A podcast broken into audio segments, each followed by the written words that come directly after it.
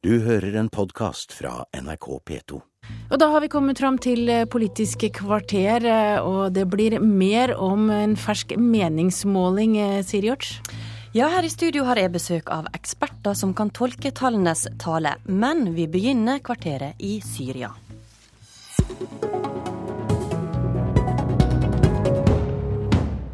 For mens Syria har trappa opp kampen mot opprørerne til tross for lovnadene om det motsatte, så spisser den diplomatiske dragkampen seg til. EU, USA og Den arabiske liga har innført sanksjoner mot regimet, men det er ikke nok, mener mange. Og Ine Eriksen Søreide, du leder utenrikskomiteen for Høyre. Du er en av de som har etterlyst sterkere handling fra Norges side. Hva er det regjeringa kan gjøre? Jeg har ment at eh, tidspunktet nå er kommet for at Norge også vurderer som et naturlig neste skritt å kalle hjem ambassadøren. Vi har allerede trukket eh, hjem mesteparten av personellet på ambassaden, og vi har også to personer igjen eh, på ambassaden i dag. Og det andre er at jeg mener vi må bruke alle de kanaler vi har for å prøve å påvirke Russland til å innta en mer konstruktiv holdning til konflikten, og også til en eventuell ny resolusjon i Sikkerhetsrådet dersom den skulle komme. Men hvordan kan da Norge presse russerne? Det handler handler ikke om å presse, men det handler om å forsøke å påvirke. Vi har eh, et veldig godt og konstruktivt forhold til Russland. Eh, og det er en god arena for oss eh, til å prøve å påvirke til at de handler på en annen måte enn de har gjort til nå.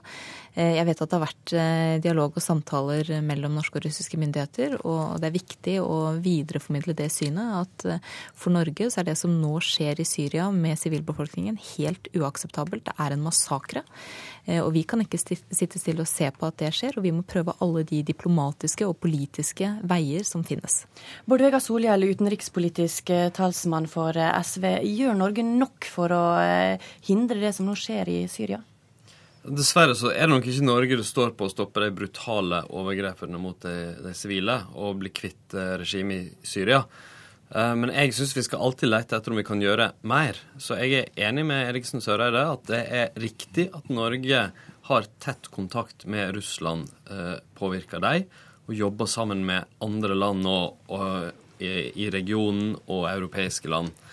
Så er nok min oppfatning at så lenge sikkerheten er god, så skal jo være klart det at Norge er til stede diplomatisk, har en ambassadør i Syria, faktisk en måte vi kan ha kontakt med opposisjon på. Vi kan få ut viktig kunnskap om det som skjer der. Eh, og jeg tror ikke det fungerer som noe legitimering. Det er ingen som er i tvil om Norges eh, negative holdning. Det som er det store problemet her, er jo at eh, noen land nå har gitt en slags, særlig Russland, en legitimitet til regimet. Eh, og at man ikke får lagt det sterke internasjonale presset og støtta opprørerne i Syria godt nok. Ja, Ine Eriksen eh, Søreide, altså eh, Russland har sagt de vil gå inn og forhandle her. Hvordan ser du på mulighetene for at det vil få noe positivt utfall? Jeg ser på det som et nokså fåfengt forsøk. Lavrov var i Damaskus for to dager siden og ble jo selvfølgelig mottatt med stående ovasjoner. Det er jo ikke så rart med tanke på hva Kina og Russland gjorde i Sikkerhetsrådet. Eh, han kom tilbake fra møtene med Assad med to budskap. Det ene var at alle de land som nå eh, har mulighet til å påvirke opposisjonen til forhandlinger, må gjøre det. Hvilket jo viser at Russland er på helt feil side av historien. Eh, det er jo primært Assad og regimet som må legge ned våpen og slutte å angripe sin egen sivilbefolkning.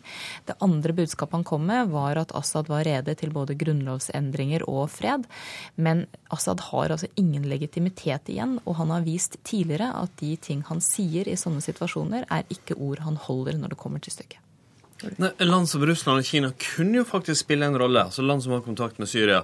Hvis de virkelig støtter det som heter den arabiske fredsplanen, altså den planen som sier at eh, Assad må gå av, og at man må innlede en prosess mot demokratisering. Men lite tyder på at de faktisk har gjort det. Eh, og det er egentlig veldig synd, fordi det hadde trengtes nå landkrefter som har kontakt med regimet, men som er villige til å si du må gå av det, din tid er slutt. Dere må stoppe voldsbruken mot de som demonstrerer. Se hva som har skjedd i andre land i regionen. Men Eriksen Søreide, altså, det det er snakk om her, er jo da denne FN-resolusjonen som Russland og Kina har eh, stemt imot. Men eh, altså, hvor sannsynlig er det at en slik resolusjon skal føre til at Assad går av? Altså Ethvert diplomatisk skritt som kan tas, må tas. Eh, og det gjaldt i forhold til Libya, der man jo hadde en resolusjon 1970 eh, som handla om diplomatiske tiltak, eh, før man fikk resolusjon 1973. om militær, eh, militære tiltak.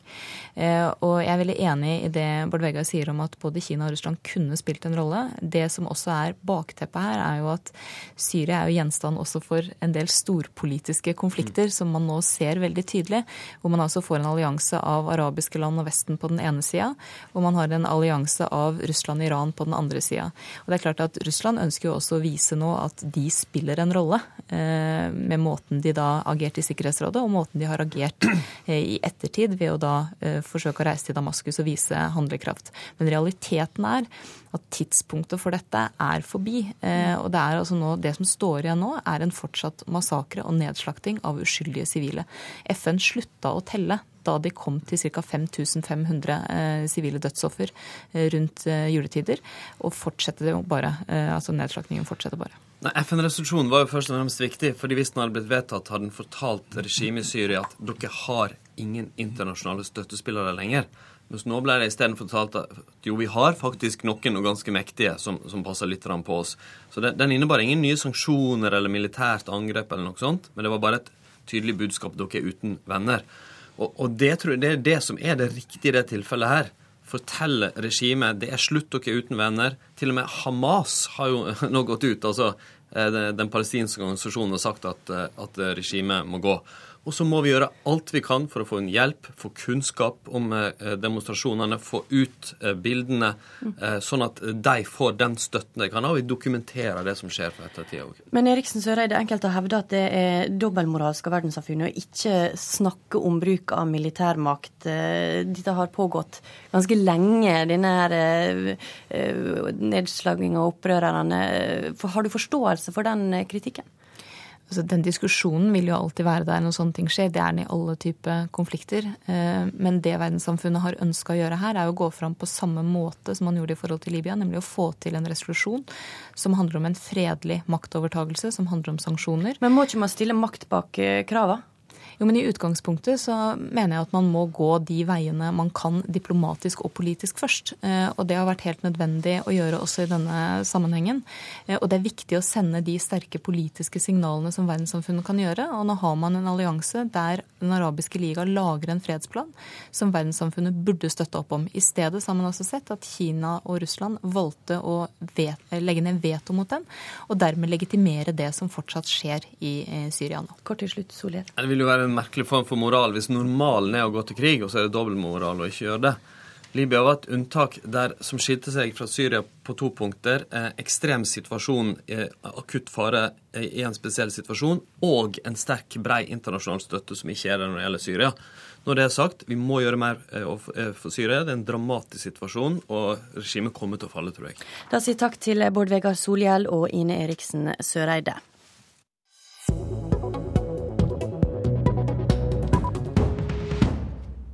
Vi skal til den ferske meningsmålinga som Norstat har gjort for NRK. Den viser at Arbeiderpartiet befester sin sterke posisjon rundt 35% mens regjeringspartnerne bare har mellom 4 og 5% Men det den også viser, er at hver femte av de som stemte SV ved sist valg, nå sitter på gjerdet. Og professor ved Institutt for samfunnsforskning, Bernt Årdal, hva betyr det i praksis? For eh, SV så kan man si at det er en trøst, kanskje ikke en veldig stor trøst, men det er mye bedre for et parti når det begynner å gå dårlig, at velgerne deres setter seg på gjerdet, enn at de hopper over til andre partier. For SV så skjer jo begge deler nå. De mister jo en, en god del velgere til andre partier også. Men det, denne andelen som nå settes på gjerdet, er betydelig høyere enn det vi har sett i tidligere målinger. Er det lederskiftet som gjør at denne andelen som da sitter på gjerdet for SV, er så stor?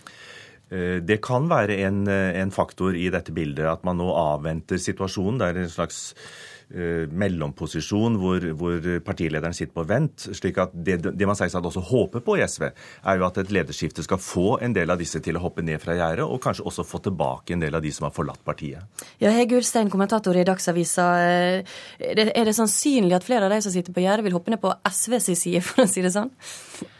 Det vil jo tiden vise. Nå er det jo sånn at uh, hvem som sitter på toppen av et parti, har eh, begrensa betydning for, for, hva velgerne bestemmer seg for å, for å, stemme på. Det viktigste er politikken. Og valgundersøkelsen Men kanskje man får mer fokus på politikken? Ja, det, altså, det, er jo riktig som Åla sier, at eh, SV ligger på en måte ankra opp langt ut til havs nå, ingen har sett, dem, sett noe særlig til dem de siste månedene. Eh, og både partiorganisasjonen tror jeg er litt lamma, eller i hvert fall veldig avventende og får ikke gjort så veldig mye så lenge de ikke vet eh, hvem som blir den nye lederen.